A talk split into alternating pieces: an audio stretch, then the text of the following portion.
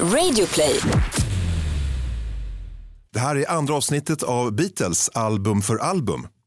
Förra avsnittet handlade om LP nummer ett från dubbel-LPn som kallas Vita dubben som kom 1968. Nu fortsätter vi med LP nummer två och gäster i det här avsnittet är Kristina Adolfsson, journalist. Kristina som äntligen skrev om pop och soul och inte bara bredbent rockmusik. Tyckte i alla fall jag när hon dök upp som en av de första kvinnliga musikjournalisterna på tidningen Expressen. Den andra gästen är Per Sinin Larsen, också musikjournalist. Tidigare ZTV, idag SVT. Ni har säkert sett Per under programtiteln PSL.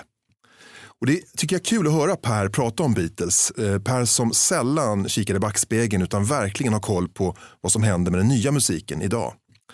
När vi pratar om Beatles under den här perioden så låter det kanske som de är ovänner och att man inte riktigt fattar att de gör den här plattan tillsammans.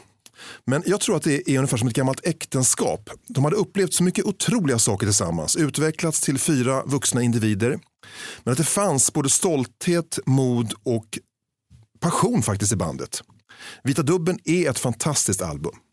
Och I det här avsnittet så pratar vi lite om Beatles ljudtekniker Jeff Emerick. Dessvärre gick Jeff bort nu här ganska nyligen i oktober så låt oss tillägna det här avsnittet till Jeff som visade hur mycket en kreativ ljudtekniker betyder egentligen.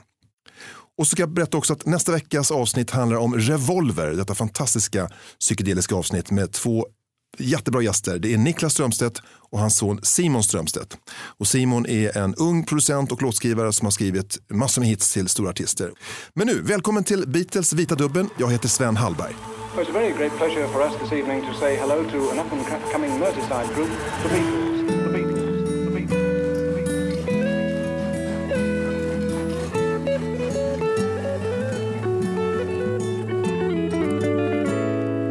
Hej och välkomna Kristina Adolfsson, Per Sinin Larsen. Jättekul att ni vill vara med i den här podden. Och jag blir nyfiken, ni är ju eh, lite för unga för att ha varit med när Beatles kom så att säga. Vad, om vi börjar med dig Kristina, vad är din ingång till Beatles?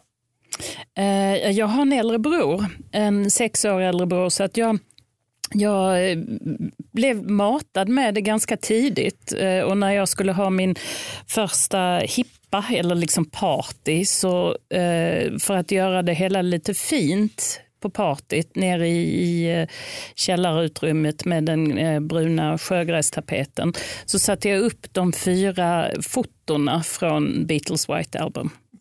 Ibland är det så att när man har ett syskon eller någon som matar med musik så blir man nästan Eh, reagerar man nästan tvärtom. Att man, så var fall min lillebrorsa, han hatade Beatles för att jag spelade så mycket Beatles. Men så var det inte för dig. Du, Nej, alltså för mig så, så var Beatles i, eh, Beatles var liksom på något vis juvelen i kronan som rörde sig runt The Kings, Small Faces, eh, The Who, eh, The Move. Jag var inte alls inne på mer de bluesiga artisterna som, som Rolling Stones och det som var liksom mer cockrock på något sätt. Det, det har jag alltid funnit alldeles för köttigt och, och jobbigt. Utan nej, det, det melodiösa, det snyggt engelska, det, det är min grej.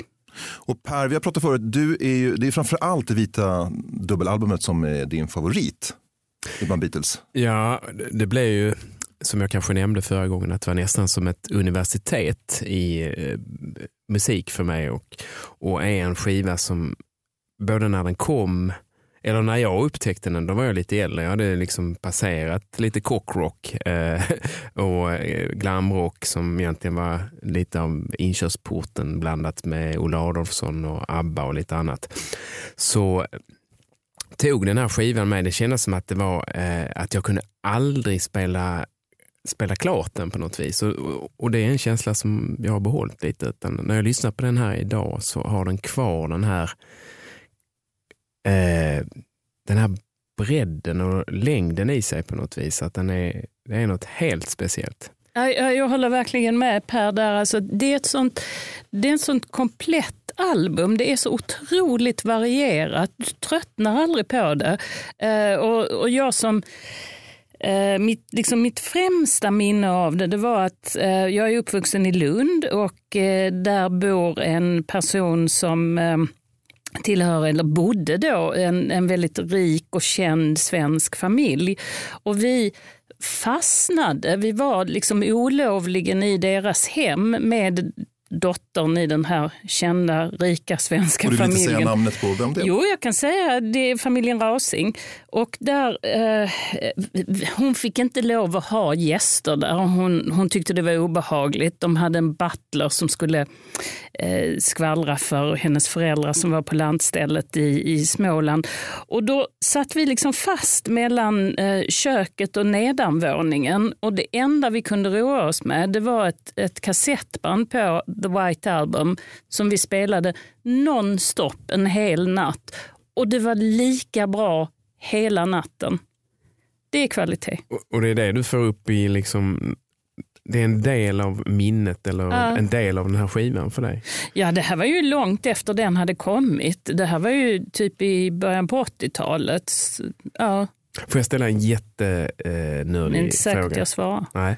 Men det, omslaget på den här kassetten, Ja. var det vitt också? Precis som Nej, jag tror faktiskt inte att det var det. Exakt, för det är det som är så speciellt. I kassettutgåvan finns den i eh, ett, något annat än det Ja. som Richard Hamilton gjorde som det här Exakt. blanka Då har vi vita. en nördig eh, detalj att gå vidare på. Mm, intressant. Kan Hörrni- eller inte. Ja, Den tyckte inte Sven var men hörni, det är, det är, ju- vi- om vi pratar om omslaget. Ja. Eh, från då Sgt. Peppers eh, som kommer året innan. Som är ett ganska ambitiöst omslag. Det kostar ju otroligt mycket att göra och det var ganska mycket jobb med det. Så ger man ut en eh, dubbel-LP då med ett helt vitt omslag där det bara står The Beatles. Den har ju aldrig kallats för The Beatles, den kallas ju alltid slarvigt för vita, vita dubben. Vad ligger bakom det tror ni? Det här minimalistiska? Ja, men jag, det var väl eh, att man verkligen, de befann ju sig, det här är ju the dålig stämning skivan. Det här är ett band, det är ju det som jag tycker är så häftigt med den här, det här albumet. Att dels är det alla sorters musik samlat men det är också, den handlar ju så otroligt mycket om en relation. Om att nu är vi, nu, står, nu känner vi varandra vid det här laget. Eh, och vi är ganska trötta på varandra. Vi eh, liksom går åt eh, skilda håll och, och alltihopa. Och var på något vis att det var ganska häftigt med alla de spänningar och allt det som inträffade under inspelningen av det här. Att man, man lämnade blankt där i den här sättet att porträttera det som är ju liksom raka motsatsen till den myriad av bilder och klipp och sånt som fanns på Sgt. Pepper. Det är också ett sånt eh, statement som på något vis befäste deras eh, status som det största bandet. Alltså Rolling Stones skulle kunna, eh, de skulle kunna ha hur många färgglada sjalar runt halsen de bara orkade bära. Men bara The Beatles skulle kunna göra en totalt vitt omslag i liksom en sån en, en sån eh, visuell samtid där man på något vis var, man alltid visade vem man var i kläder. Alltså, det, det var så otroligt viktigt med hårlängd och kläder och så vidare och då bara kör de ett vitt omslag. Det är så mäktigt. Det är så eh, starkt. Ja, eftersom att, jag menar det här är bildjournalen, det är liksom, eh, det är färgglatt. Det här är ett väldigt stort fuck you. Eh, till allt och alla. Det följde ju med bilder på eh, Beatlarna själva. Mm, Eh, men de är ju också otroligt nertonade. De, det, det är. Eh, Eh, det är inte alls, och, och de ser inte glada ut, de ler inte. De ser ut som vuxna män eh, där de tidigare har varit eh, så liksom glada gamänger, galej, ute på galej. Eh, här är de vuxna män. Det, det, det är så snyggt gjort, rakt igenom. Det är verkligen art director-albumet. De här låtarna skrevs, ju- de flesta av dem skrevs ju i Indien under våren då samma år. Och det man kan läsa då är ju att eh, de levde ganska spartanskt där. John Lennon har sagt att jag satt vi och käkade usel vegetarisk mat. Och det enda vi hade att göra på kvällarna var liksom att skriva musik. De fick, fick inte ens tag på någon knark. Jag tror inte ens de hittade hasch. Så det är ju ganska, de är ganska klara i knoppen när de, när de eh, skriver, de här, skriver den här musiken. Och de är otroligt produktiva. Märks det på skivan? Ja, alltså det finns ju flera låtar som, som verkligen man tänker sig att man kan riktigt säga att de kommer från de här eh, liksom sessions. De, de, George Harrison lärde sig spela sitar där till exempel. Eh, och eh, som man kan tänka sig att är lätta att, de hade ju ingen inspelningsstudio i den bemärkelsen. Sen finns det ju andra som man tänker så här eh, är svåra att hitta i eh, kontexten dålig vegetarisk mat, eh, eh, inget hash och liknande. Som de är liksom mer studiobyggena som finns också. På Så vi berättade, vad gjorde de i Indien? De var där för att gå en kurs i meditation. Mm. Mm. Och Det var ju George Harrisons stora grej. Han hade ju börjat med eh, Maharishi. Eh, han, han eh, eh, var väldigt intresserad av Maharishis eh, läror. Eh, han var ju hin, intresserad av hinduismen. Eh, överhuvudtaget så tyckte han att indiska instrument var oerhört spännande. Jag tror faktiskt att han hade lärt sig spela sitar tidigare. Det stämmer, jag tror snarare ja. så att han... Av Donovan? Uh, nej, han lärde sig det av någon, någon, uh, uh, någon indier. Mm. och, och, spelade inte han sitar på Norwegian Wood? Jo, det är faktiskt så att på den här skivan så slutar han sen att spela sitar. Därför att vad han kommer underfund med att i Indien finns det ju tusentals sitarspelare som spelar sitar på ett sätt som han aldrig kommer komma i närheten av. Mm. Så när han kommer tillbaka till London så släpper han sitaren och går tillbaka till gitarren. Ukulelen. Och ukulelen. Lite märkligt då att han tar med sig Eric Clapton in i studion när de ska spela in den här skivan. Att han inte har riktigt det självförtroendet att spela, hela, spela allting själv. Jag vet inte. Men... Ja, men det tror jag var en sån där eh, förbrödringsgrej. De, de, de var ju ett sånt där liksom gitarrnördarpar. De var ju kompisar, mm. så det är inte så konstigt. Ja, så kan, kanske han behöver en chokladlangare Precis. i Eric Clapton, Clapton som vi ska prata om lite senare. Exakt.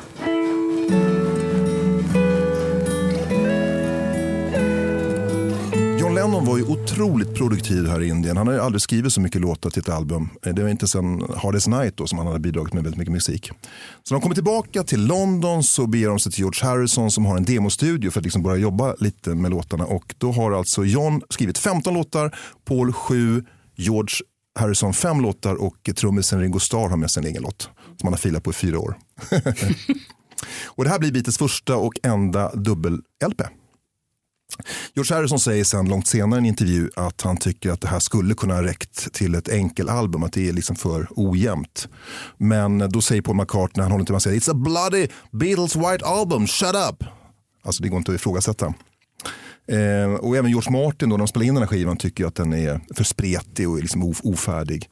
Och som ni var inne på, det är nästan som solospår ibland. Ibland är det bara en av Beatlarna i studion, de andra är inte ens närvarande. Och stämningen i studion är usel. Alltså det här är också ett eh, tillfälle när John Lennon presenterar Yoko Ono för bandet. Han har ju då i Indien fortfarande haft med sin fru, Cynthia. Eh, men här då är, har det tagit slut med frugan. Och det, är liksom, det, var, det var en eh, oskriven regel att man bara var bandet när man spelade in musiken. Och inte släppa med sig kompisar eller fruar eller flickvänner. Men det här bröt John då. Det blev lite krystat. Men det var ju alltså generellt så dålig stämning så att eh, Ringo drog iväg, ville inte vara med ett tag. George Martin gick på semester. Han var borta en månad när plattan spelades in och lämnade över ansvaret till en 21-årig eh, producentassistent. Och eh, Jeff Emerick som var inspelningstekniker, en mycket så här belevad, Eh, professionell, ödmjuk herre, han säger upp sig. Han lämnar Abbey Road-studion. Så man kan ju bara tänka sig att stämningen var eh, riktigt usel. Det var som någon beskrev det, att eh, stämningen, man kunde, man kunde ta på stämningen i studion, man kunde skära med kniv. Vi ska lyssna på LP2 då och spår 1. Och det är en låt som heter Birthday. Vad har vi på den? Trots att det är dålig stämning i studion så är det ju väldigt mycket humor. Eh, det är det ju i Beatles överhuvudtaget. Men det här är ju en sorts en gammal rock'n'roll-pastisch på Little Richard tror jag. Eh, och eh, det som är roligt med den är att eh, här märker man också fruarnas intåg i studion. Cynthia Harrison, alltså Georges fru och Yoko Ono är med på kör. Fantastisk låt tycker jag. Jag tycker inte alls den är ett skämt. Den svänger. Fast jag tror inte hon heter Cynthia Harrison. Nej, Patty. Patty, just det.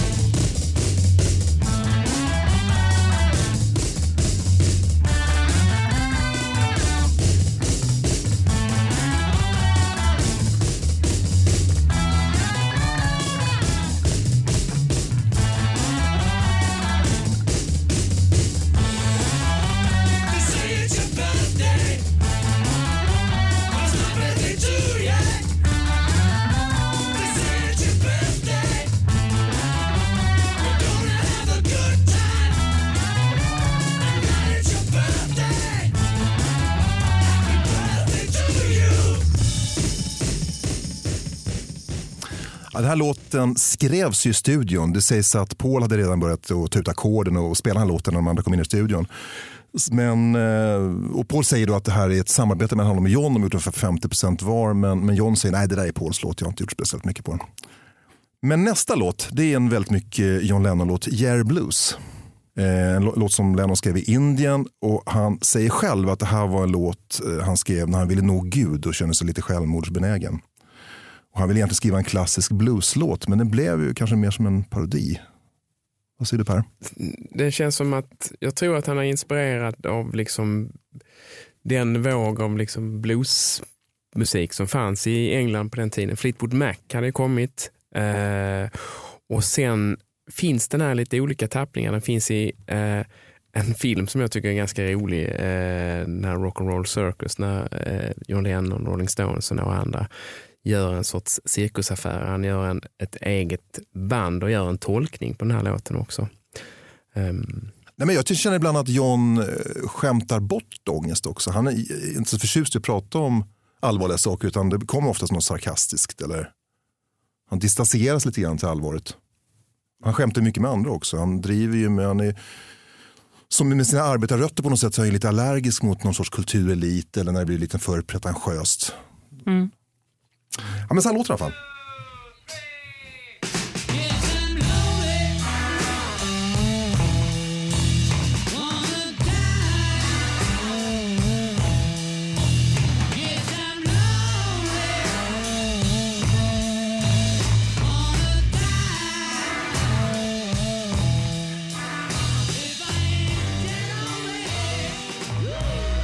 Tredje låten på plattan heter Mother's Nature Son. Det är en eh, Paul McCartney-låt. Och eh, det här gjorde ju Paul helt själv. Det verkar som att ingen i Beatles var med i studion när han spelade in den här. Nej, jag tror George Harrison hade tröttnat på den här dåliga stämningen och åkt till Grekland på semester.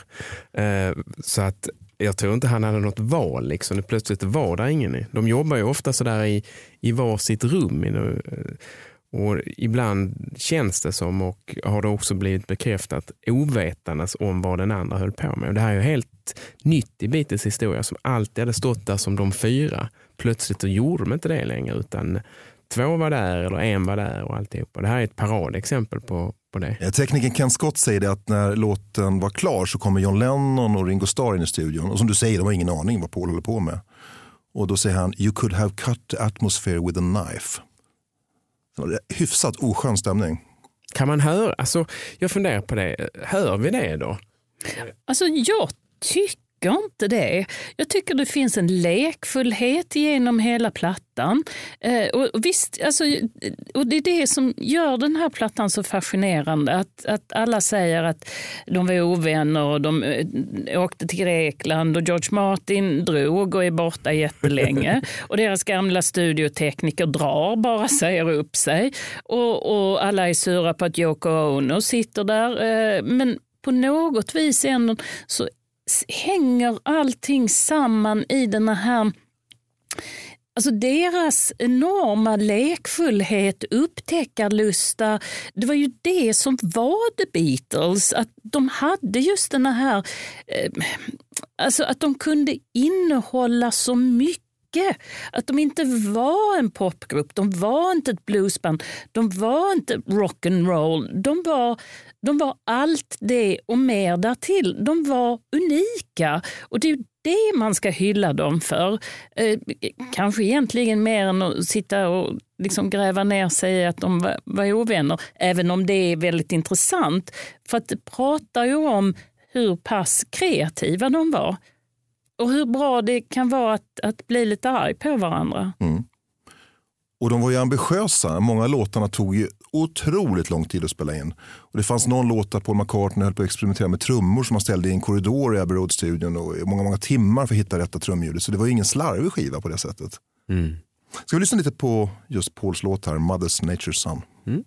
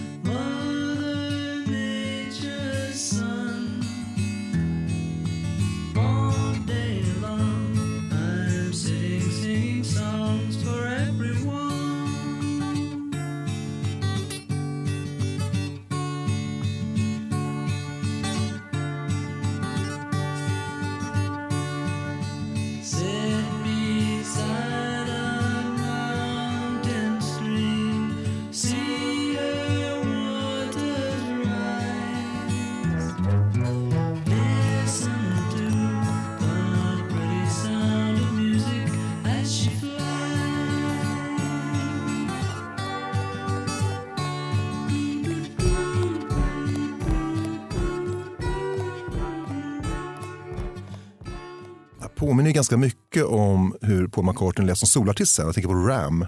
Mm. Och nästa låt, Everybody got something to hide except me and my monkey. John Lennon har påstått att texten handlar mycket om hur han kände att han och Yoko Ono blev sedda. Det vill säga de kom in i ett rum, det var ungefär som de kom in i ett ufo. Folk liksom, vad gör hon här och vem är hon? Och, det var i alla fall Johns bild av det hela. Mm. Är en speciell låt. Ja, och det trodde ju inte Paul McCartney på att den handlade om, om Yoko Ono. Han var ju helt säker på att eh, Monkey är ett gammalt eh, pundarslang för heroin. Så han trodde att den handlade om det, inte minst eftersom John och Yoko på den tiden eh, som det enda i Beatles-sfären höll på med just den här drogen, vilket Paul eh, höll sig långt borta ifrån. Så att eh, de hade olika syn på Oh. innebörden i den titeln. Jag kan faktiskt berätta en detalj. Eh, Jag har varit på det, i det där huset. I George Harrisons hus? Nej, nej. Eh, som eh, John och Yoko hade. Vad hette det där, det där berömda huset? Eh, Inne i London. Nej, utanför London. Eh, och vad jag kommer ihåg därifrån så fanns det, alltså, i England om man ska tända eh, kontakter Eh, så trycker du på, eh, det- sitter liksom en knapp vid sidan om en kont varje kontakt som du trycker röd eller vit. Och på de kontakterna så stod det, var det två kontakter bredvid varandra och på den ena stod det John och på den andra stod det Yoko. Häftigt. Som de hade skrivit själva eller? Nej, nej. Nej. Som eh, liksom elektrikern hade, det brukar stå on eller off Ja, ja. på dem. Eh, det brukar inte stå någonting för att du, du ser att när, när den inte är, liksom kontakten är brukbar så, så visar det rött. Eh, och när den är inne så visar den ju inte rött då. Nej. Men på dem så stod det John och Joker. Vad gjorde du i detta hus Kristina? Ja, om jag detta kunde komma ihåg. Jag vet faktiskt inte. Nej. Var det någon annan eh, rock eh, aristokrati som eh, hade lagt beslag på denna, denna fastighet? Det har varit så mycket rockaristokrati i mitt liv så jag glömmer sånt. Ehm, nej, jag, jag vet Nej, faktiskt nej. inte vad jag gjorde där. Vem vet? Har du all- det så hemma hos dig också Sven? Nej, men det alltså, man har ju Sven alltid tagit poppen på mer allvar i England. Alltså de tar ju sin popkultur på allvar. Ja, fast jag tror att detta gjordes av John och Yoko. Wow. Alltså till deras hem. Ni vet det där hemmet som var så berömt där de eh, Google, wherefore out there. Eh, jag, jag måste googla känner jag. Hörru, vi ska lyssna på låten också. Mm. Ja.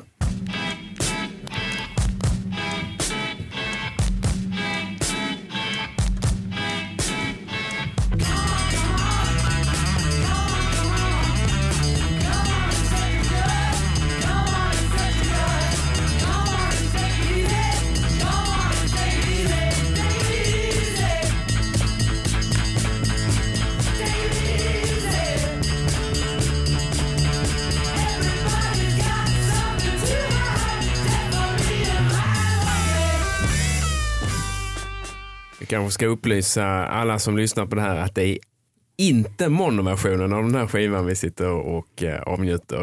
Eh, eller hur Sven? Nej, det är stereo. Ja. Ja. Men du har monoversionen också Ehm, såklart. Jag har nog det på CT. Ja. Mono.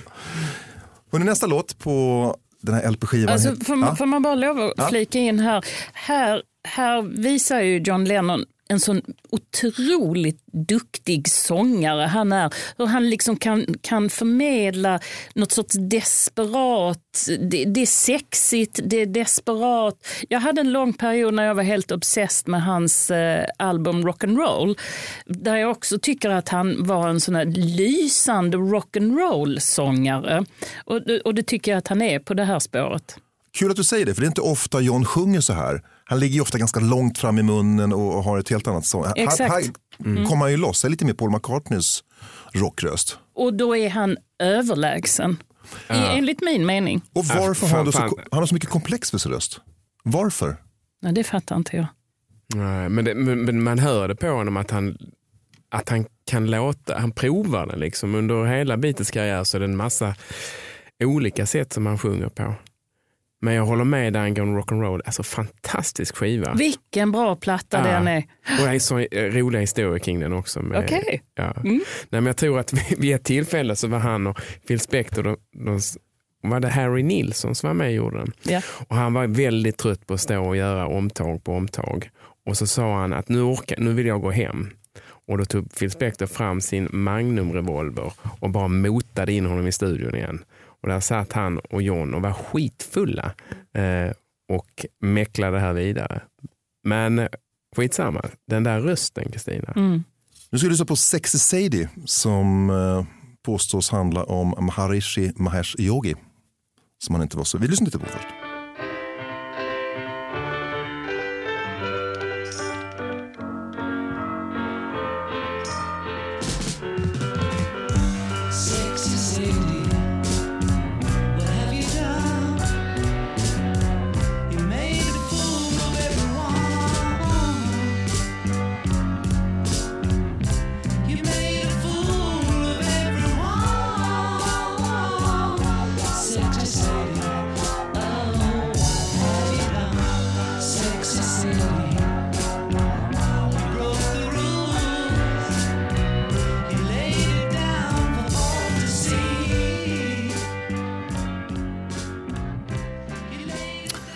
Vad vet du om den här låten Per? Eh, det här är en, eh, ett utmärkt exempel på metoo-pop.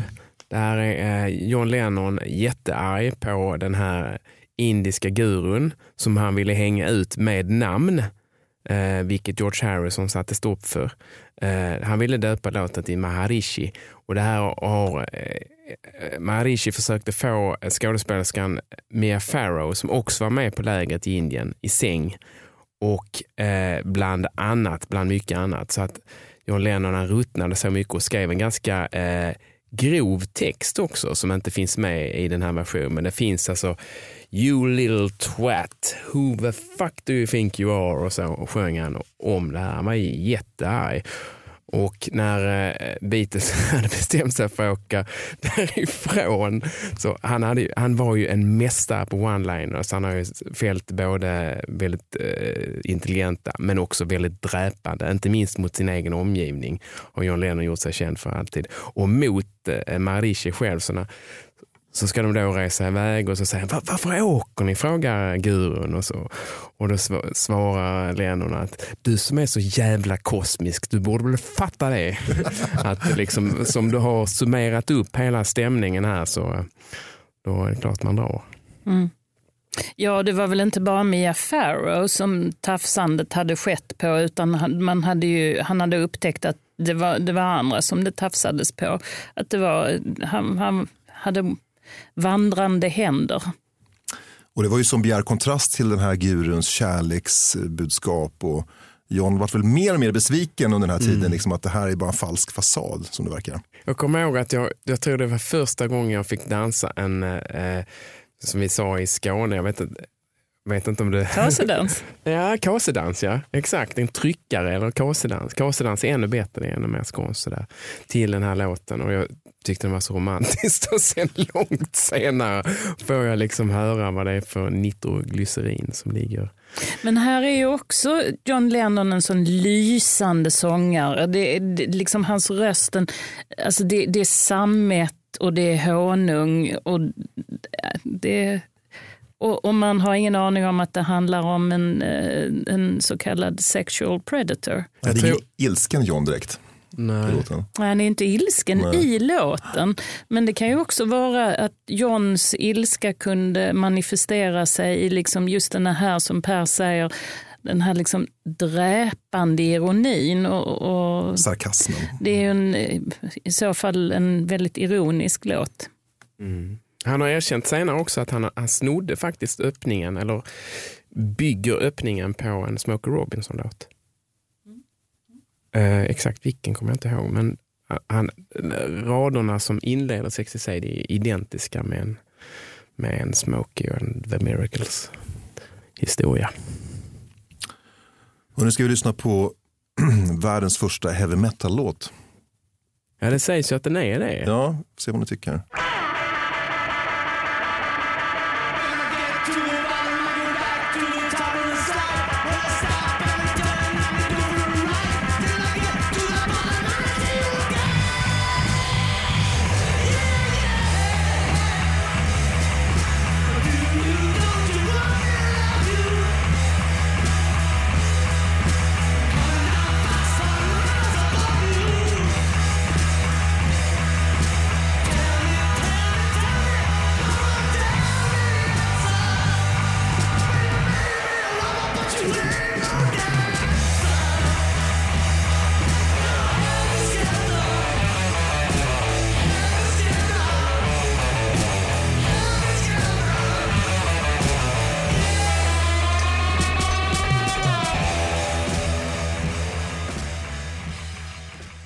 Är det här verkligen heavy metal? Ja, faktiskt. Jag måste. Jag är ju en... Jag håller ju hårdrocken varmt. Det, det, du är inte så förtjust i hårdrock, Stina. Jo, alltså jag gillade ju tidig Deep Purple och, och ingen kan väl säga nej till eh, lite eh, eh, Led Zeppelin. Men, men alltså, nej, inte skulle jag kalla det hårdrock. Men jag skulle väl snarare kalla det för eh, en eh, frenesirock. Jag vet inte. Mm. Ja, jag, ty, jag tycker att den är, det är så roligt om man tänker på eh, vita skivan som en, eh, vi har tidigare tagit upp det här med att de inspirerades av bluesscenen med Fleetwood Mac och liknande. Och jag vet att, att eh, eh, Paul McCartney hade hört eh, The Who eh, som hade spelat in I can see for miles som Pete Townsend, alltså i Who, hade sagt att det var en av de hårda. eh, Liksom. Och innan dess, långt innan dess, så hade ju Kinks gjort eh, You really got me, som också har den här, som spräcker liksom ramarna för vad vi har hört tidigare när det gäller lite hårdhet och så. Så att det kändes precis som att det här var ännu ett exempel på hur de liksom ville visa att vi är med i vår tid eh, och, och eh, vi ska visa oss. Eh, Sen att den, jag tror den spelades in under former som eh, det var någon sorts eh, en lång jam session där de spelade och liksom till slut fick fart på det. Men jag tycker att den, är, den, den har en, eh, en, en, en metal, ett metalägg i sig ändå. Mm. Ja, men jag kan köpa det. Den här spelades in då måndag 9 september 1968 och den här dagen, den här måndagen så kommer George Martin tillbaka till studion och berättar för sin assistent att nu går jag på semester och så är han borta en månad. Och lämnar över ansvaret till en 21-årig assistent, Chris Thomas, som får ta över det här. Det är också det finns ju en koppling på något sätt, om det nu stämmer, med den här låten och eh, massmördaren Charles Manson. Mm. Som har förklarat någon sorts krig, något raskrig. Mm. Och det är väl det han skrev, skrev på väggarna. Eh, han skrev väl Helter Skelter i blod på där han mördade eh, Sharon Tate. Tänk om han hade varit mer eh, upplyst i, eh, liksom, i vanlig nöjeskultur och lärt sig att Helt och Skelter är alltså Beatles sätt att eh, uppmärksamma ett vanligt nöjesfält eller en berg och som väl heter så. Det var väl därför titeln kom fram. Sen såg han någonting helt annat i den.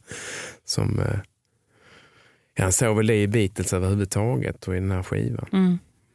Alltså, ett, ett litet lästips det är faktiskt att, att läsa Doris Days eh, självbiografi. Eh, det är ju då hennes son som eh, Charles Manson vill eh, egentligen är ute efter eh, och, har, eh, och hans eh, kvinnor och har flyttat ut från det här huset. Han var ju skivproducent. Otroligt intressant bok faktiskt. Doris Day. Mm. Hörrni, sista låten på sidan ett på den här plattan är en George Harrison-låt.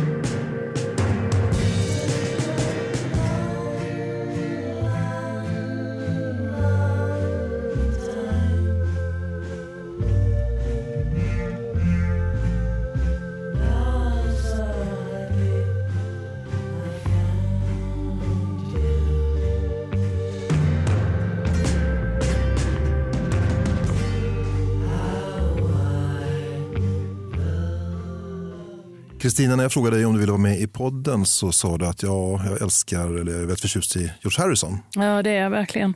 Alltså, för, för mig så, jag, jag älskar all Beatles, men um, förutom då liksom rock'n'roll så, så tycker jag att för mig är det George Harrison som har klivit fram som den, den stora eh, kompositören jag älskar den vemodighet han förmedlar.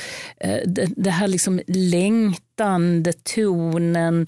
Eh, alltså det, det är bara att det, det finns någon resonans i mig. Eh, och, och när, lustigt, när vi klev in här så, så hade Per en fråga till mig. Vad var det? Jag, jag hann inte ens ställa den för, förrän du svarade på den. Och jag hade tänkt ställa frågan, vilken låt har du inom dig just nu? För det är ett tag sedan vi träffades och vi har träffat ett par gånger här och då har det varit ganska flyktigt. Men jag bara tänkte ställa den frågan och innan jag hinner ställa den så säger, börjar Kristina prata om den här låten. Mm. Och det märkliga var att jag hade exakt samma i mig inför att komma hit och, och prata med dig Sven om, om den här skivan. Och det säger ju också någonting om att vi, vi har funderat på The Bright Album, såklart vi har gjort. Och den låt som vi bägge två har det är It's been a long, long, long, long.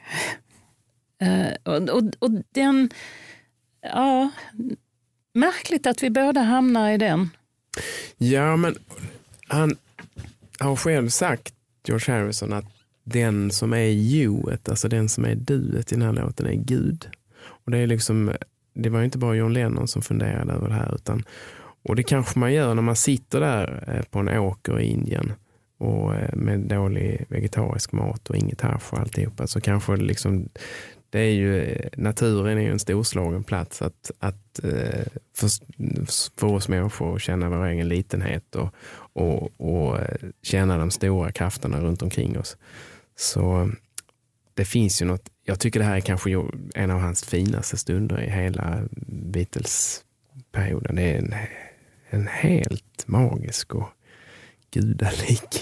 Ja, men den är så vacker. Om man inte tar till sig den då, då, då borde man sätta sig ner och verkligen lyssna på den.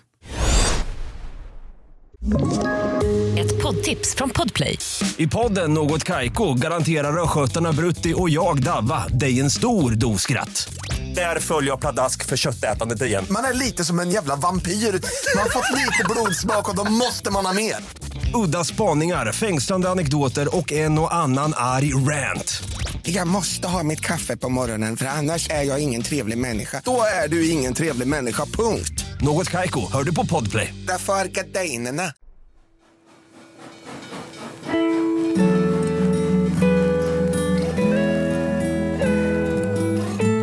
Nu har vi vänt på plattan. Vi är på sidan 2, LP2, Beatles vita dubbel.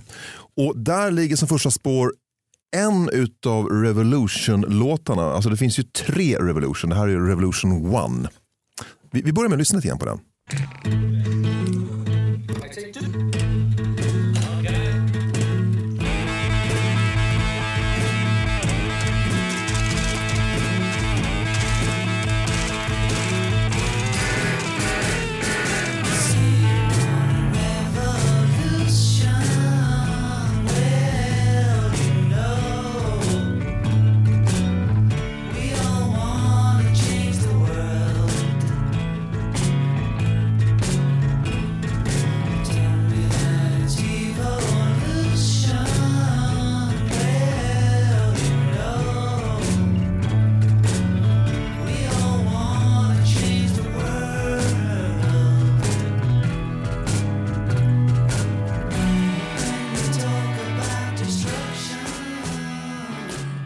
Det mer den typiska John Lennon-rösten som Liam Gallagher sen framgångsrikt har lyckats kopiera.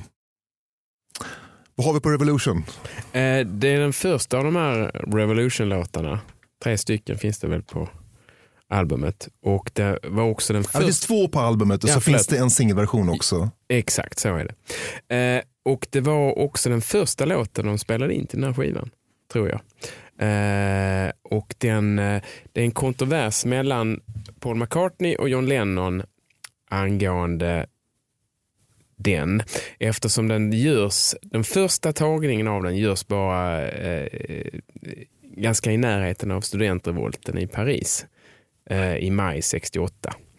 Och eh, John Lennon vill berätta vad som händer i världen just då eh, och eh, vill få ut låten och Paul McCartney är inte lika sugen på det här. Alltså Paul är lite rädd och tycker att det här är lite för politiskt. Han tycker det är politiskt. Och det var Den- lite svårt att tro när man, eller förstå när man hör den. Ja, den är ju inte speciellt politisk, eller upplever man inte så. Men, men John han stod på sig och de spelade in den här, jag tror de, de höll på länge och, och, och eh, fram och tillbaks med den. Och eh, Paul han kom med det ena argumentet efter det andra. Bland annat, ah, den är för långsam för att ge ut. Och, ja, men, men den kom ju till slut. Nästa låt, eh, typiskt vita dubben, att det sticker iväg åt olika håll. Det är en sån här music hall-inspirerad eh, låt som eh, Paul McCartney har skrivit. Och jag såg en intervju, en relativt ny intervju med Paul McCartney. Han, hans pappa lyssnade på musik och hans pappa gillar ju den här typen av musik. Så att, eh, ibland känns det att han skrev låtar till sin pappa Paul. I alla fall musik som hade funnits i hans barndomshem som han tyckte om. Det här är Honey Pie.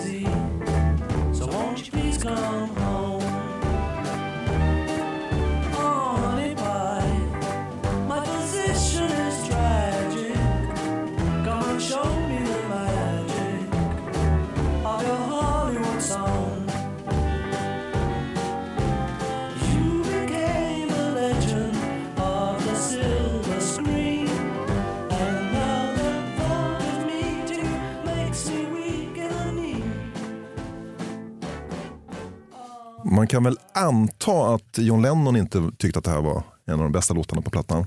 Mm, nej, det, det, han, han hatade den. Alltså, och den är ju väldigt lättviktig. Den, den, eh, det, det är ju en del av the, the, the Rich Tapestry som är The White Album, men, men den är ju inte... Det, det är ju ingen... Det är ju inget man bär med sig. Det är ju inte den man har i huvudet om Per skulle fråga vilken låt tänker du på? Nej, absolut inte. Eh, det jag tycker är fint med den här i alla fall är att i England har man en sån här, det här är ju en, eh, en sorts hommage till eh, Music Hall-traditionen, till 20-talets England. Och den här har dykt upp då, inte bara i den här, utan man kan höra det, Rod Stewart har element av det här, Slade har element av det här. Fram till indiepoppen har också tagit med sig, de har omfamnat det här. I Sverige, om vi går till vår kuplett, eller liksom till den traditionen av liksom lite vaudeville eller mm, som vi har haft på, på den svenska estraden. Det är inte många som har, liksom, eh, möjligtvis kanske Björk, Magnus Uggla, men eh, det är inte samma. Eh, eh, Vi kanske inte håller det här lika Ja, alltså, får jag bara lov att säga Slade, alltså vilket band. Så sinnessjukt bra. Ah, men Kristina, vi- Sledpodden. Ja, Ja, I'm in. ja men bra. Ja. Och, och då får vi ju faktiskt också bjuda in Ola Salo, för det, det, det, det märks ju var, var de har hämtat sin älsk, äh, Slade. Vilket band! Gillar du Slade Sven? Jag gillar dem jättemycket. Ja. Jag var ju diskjockey när de kom. Eller jag blev, blev som, ja, det var bland det första jag spelade. Ja. Hörrni, jag har ju lyssnat på Beatles eh, med, med stor respekt och det har varit mina idoler och så vidare. Eh, och jag har alltid velat tro att texterna betyder något. Det finns någonting här och jag har tolkat dem och haft mig. Eh, och här har vi Sour Truffle som eh, George Harrison gjorde. Vad handlar den om?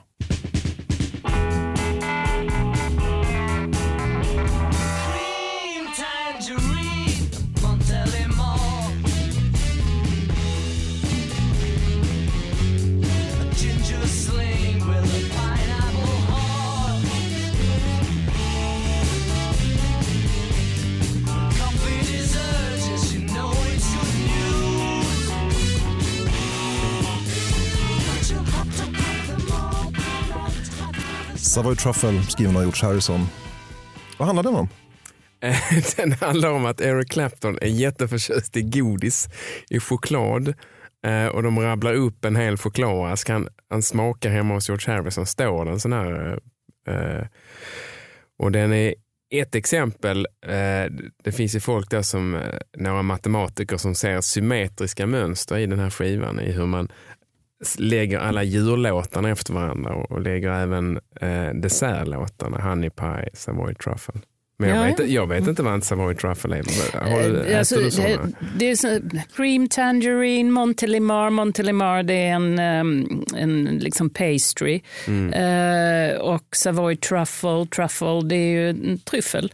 Eh, men, och, och det är cream cherry och han, apple tart och vad det nu är. Men eh, han säger ju faktiskt också något om att eh, jag känner smaken även efter att du, har, eh, du inte är här. Eh, Så att, alltså, i, ibland kan det ju bli så här att man kanske någon gång vid någon intervjutillfälle säger att Nej, men det handlade om eh, att vi eh, gick igenom en eh, en eh, skål licorice all sorts, eh, men för, på skoj. Ja, det är som en twistpåse egentligen. Ja, men, och, och sånt kan ju hänga kvar. Jag menar, jag har jobbat på Expressen och kunde liksom hitta i arkivet eh, texter där man plockade upp någon, någonting liksom sensationellt i någon text som hade skrivits 20 år tidigare. Och, och den man intervjuar säger, men herregud, kommer du med den här gamla grejen? Det där är ju helt överspelat. Så det är inte säkert att det är det, men i och för sig, det kan ju också vara det eftersom det är en enda lång uppräkning av olika eh, Ja, det är som en eh, chokladask. Cherry cream, Ja. coconut fudge. Ja. Men Sven, har du, någon, har du nyckel till box of chocolate i det här fallet? För jag tror, Det har jag inte. Nej, men precis som Kristina säger, så är det ju. Att, Och så blir det hängande som en sån här historia som jag läser och tror på. Ja. Nej, men det är väl ett exempel på vänskapen mellan George Harrison och Ja, fast Eric Clapton. Var, varför sjunger han om att din smak hänger kvar? Är det här som Eric Clapton har börjat smygdejta George fru? Eller flickvän? Nu. Nu blir det spook. Han var väl kär från början, liksom eh, trängtande, längtande, men jag tror inte att de hade börjat dejta. Nej, han dyrkade ju verkligen Patty Boyd. Ja, Så till den grad att när han sen pratade med George Harrison och berättade det här så var det George Harrison, "Nej, men ta henne då. Alltså han, det känns som att han kunde inte överträffa Claptons kärlek eller passion. Sen om man har eh, sett eh, den här eh, ganska intressanta eh, dokumentären om George Harrison och, och eh, även intervjun då med hans eh, fru efter Patty Boyd så var han ju konstant otrogen. Alltså, det, det, han, han var ju... Han var ju som... Det man sa, eh, förr kallade kvinnokar. Ja, han var beyond kvinnokar. Han, han slog väl Bill Wyman så det eh, räckte och blev över. Alltså, det var ju inte någonting som kunde passera honom. Eh, så att han kanske inte tog så jätteallvarligt på relationer. Och att man då kan liksom kosta på sig och säga ja, nej men det är ju lugnt. Ja, det, det är ju helt okej. Hörrni, vi går vidare. En John Lennon-låt som, eh, där texten lär ha varit inspirerad av en tv-reklamlåt. Making mother sigh. She's old enough to know better. The king of is in the kitchen cooking breakfast for the queen. The queen was in the parlor playing piano for the children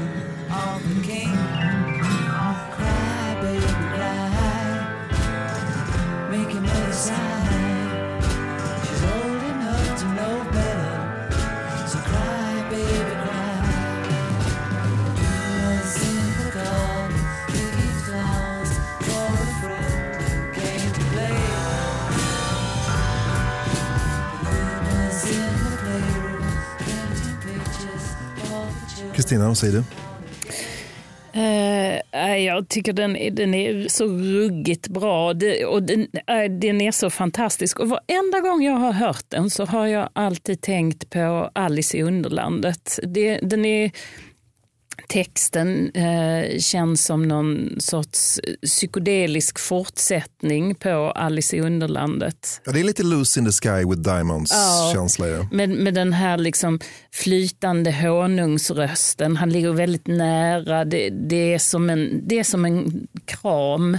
En, och, och, och det här liksom vackra, hur fantastisk Liverpool-dialekten är sjungen. Hatten av. Och detta spelas då in samtidigt som eh, vad heter det, producenten George Martins mångåriga medhjälpare Geoff Emerick Han säger upp sig. och säger upp sig. Och så, då kommer det sån här musik samtidigt. Och varför inte? Alltså, jag menar, de hade ju bott Eh, under flera år i studios. Eh, de var ett otroligt kreativt band. Och det, för mig är ju det här liksom en manifestationen av hela den...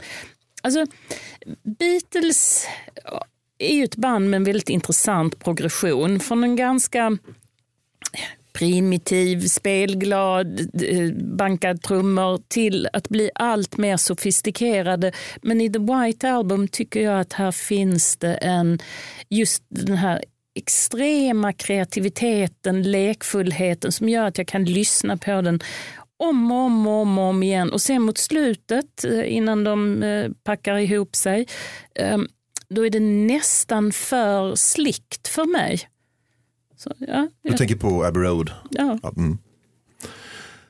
Nu ska du lyssna på Revolution number Det nine. tyckte jag var, Ja, bara- förlåt. förlåt Sven, men jag tyckte det var väldigt bra eh, sammanfattat faktiskt. Att det här är på något vis en, en sorts öppning i en, i en, eh, i en karriär. Ja. Som, som inte händer. Det kan, man kan omöjligen framkalla den liksom eh, och den händer bara när den, det är liksom lite naturlag i det, Ja.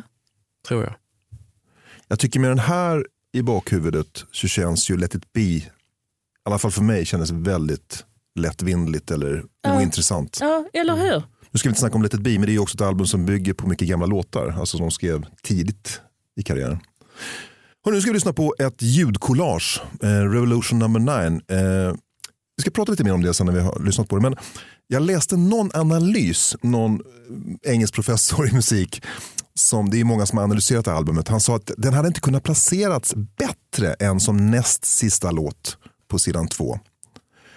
Därför att hade den legat allra sist så hade många glömt bort att lyssna på den. Hade den legat tidigare så hade folk liksom kanske inte fortsatt att lyssna på albumet. Det hade varit lite för svårt. Men nu ligger den strax innan Good Night som är John Lennons vaggvisa. Och med dem, eh, den analysen kan jag hålla med om. Den, det känns plötsligt genialt. Eh, vi ska lyssna lite grann.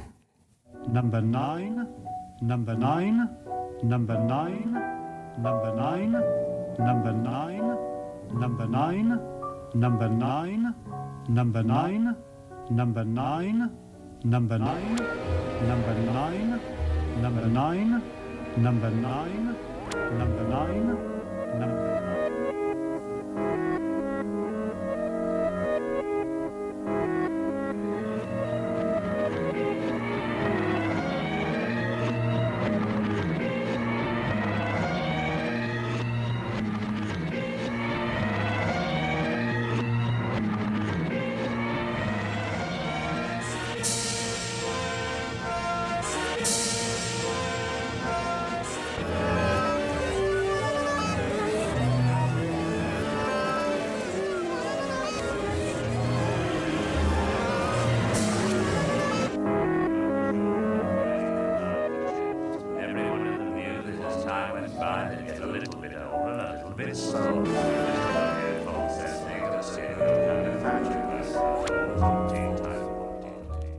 här är Beatles längsta spår. Eh, åtta minuter, över åtta minuter. Vad tänker ni? Nej men det gruppen som hade allt och som lyssnade på allt och tog in allt. Så och även liksom eh, klassisk eller konstmusik som i det här fallet. John Lennon han var stor fan av Karl-Heinz Stockhausen. Eh, vilket, eh, eller den här sidan hade ju liksom skymtats på lite på eh, Tomorrow Never Knows. Det finns också en, tror jag fortfarande outgiven låt. Eller ett låt kanske inte rätt i sammanhanget, som heter Carnival of Light. Har du hört den Sven? Nej, och det var ju det Paul McCartney gjorde året innan som aldrig gavs ut. Som Precis. kanske påminner om det här. Som ska påminna om det här på något vis. Men att de, att de jag menar, vem gör det? Alltså, Okej att de går tillbaka till vaudeville, att de snappar upp dåtidens hårda rockströmningar, blues, alltihopa. Men det här får också plats. Och det här, det här är, kan ju vara politiskt på ett annat sätt. Det finns ju Vietnamdemonstrationer och, och klipp från alla möjliga håll och kanter i det. Det är också, det, det, är liksom, hur, det är klart att en grupp som kan gå ut i popmusikens mest färgglada tid och göra ett helt vitt omslag, att de lägger som näst sista spår på den här skivan, så gör de ett sånt här stycke. Det märkliga tycker jag att eh, som 13-åring tyckte man det här var fruktansvärt.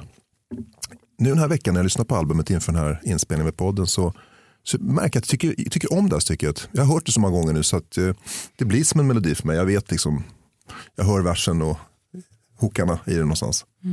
Tycker Men precis som din professor där som du citerade tidigare så finns det en sorts, alltså hade inte eh, vaggvisan kommit efteråt så hade det bara varit, eh, det, det finns någon sorts, eh, vad säger man, release i att den kommer efter och det, det, det, är så snyggt. Jag upphör aldrig att eh, tycka om den här plattan. Den, den är den är alltid lika bra. Och med tanke på hur gammal den är, det är, det är fantastiskt. Gud vad platt jag låter med alla mina liksom hyllningar. Men, men det, alltså med all denna variation, denna rikedom, det är storartat. Och mod. Och mod.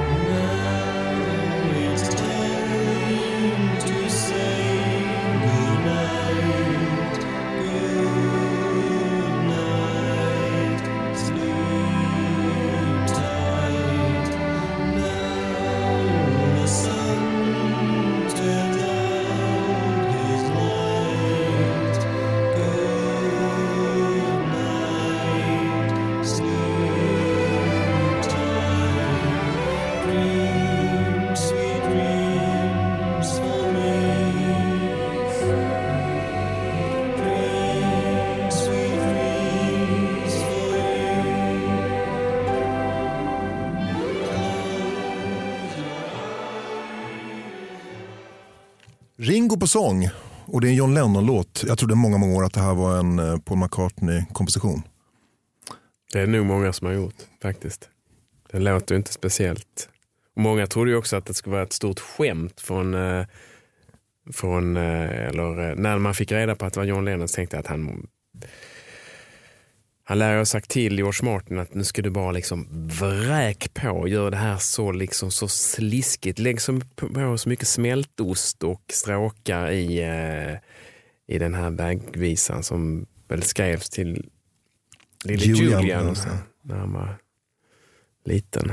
Men ett, jag köper det rakt av. Det. Jag tycker det, den är magnifik. Jag börjar gråta.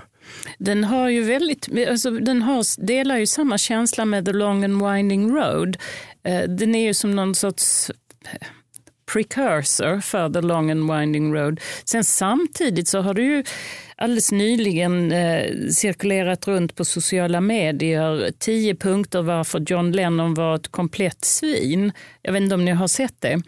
Eh, som bland annat handlar om hur, hur fullständigt avskyvärd han var mot sin son, just Julian. Eh, och eh, var ganska, sa ganska hemska saker till honom som eh, borde ha helt tagit bort allt självförtroende från vilken uppväxande ung person som helst. Så jag lyssnar nu på den med nya öron. Hörrni, stort tack för att ni ville vara med. Och jag tänkte vi ska avsluta den här plattan, eller den här podden med en valfri låt ifrån albumet. Alltså vilken låt tycker ni bäst om? Alltså jag trodde att du skulle avsluta med att eh, mixa upp Ringo Starr igen i den här slutsekvensen när han säger good night, good night, eh, everybody, everywhere. Det är ett snyggt slut. Ja, Annars hade jag på känn att det var lång, lång, lång som skulle sammanfatta. Ja, Lång, lång, lång är ju jättebra. Visst är den det. Får man ta vad som helst från hela albumet. Ja, men While My Guitar Gently Weeps är ju fantastisk. Som sagt, jag är ju en George Harrison-diggare. Uh, ja. Ja, jag stannar nog vid lång, lång, lång tror jag faktiskt. Den här gången. Och, och frågar du mig imorgon så blir det någonting helt annat och om en timme också. Det här. Men det som jag tycker är roligt med att ha fått vara med här så är att jag liksom som är så hela tiden inne. Jag går väldigt sällan tillbaka. Jag lyssnar väldigt sällan, tyvärr väldigt sällan på Slade som jag skulle vilja lyssna mycket mer på. Eh, eh, eller Beatles så har det här liksom blivit tillbaka-trippen eh, in i den här, inte bara den här skivan utan också till dem. Och då önskar jag mig någonstans, för jag tycker det här är så rik eh, musik, som nu gör vi ju historier till det, men det här är ju liksom låtar som står på egna ben utan dem och alltihopa. Men man hoppas att fler eh, hör det också. Kristina Adolfsson, Per Larsen, stort tack för att ni var med. Tack för att vi fick komma.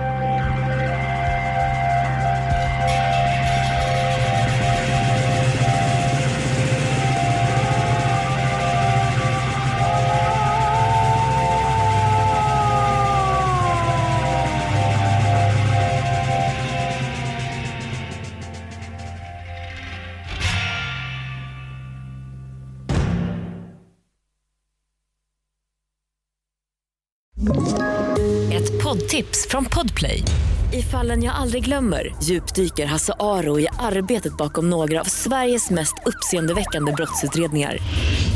Går vi in med hemlig telefonavlyssning och, och då upplever vi att vi får en total förändring av hans beteende. Vad är det som händer nu? Vem är det som läcker? Och så säger han att jag är kriminell, jag har varit kriminell i hela mitt liv men att mörda ett barn, där går min gräns. Nya säsongen av Fallen jag aldrig glömmer på Podplay.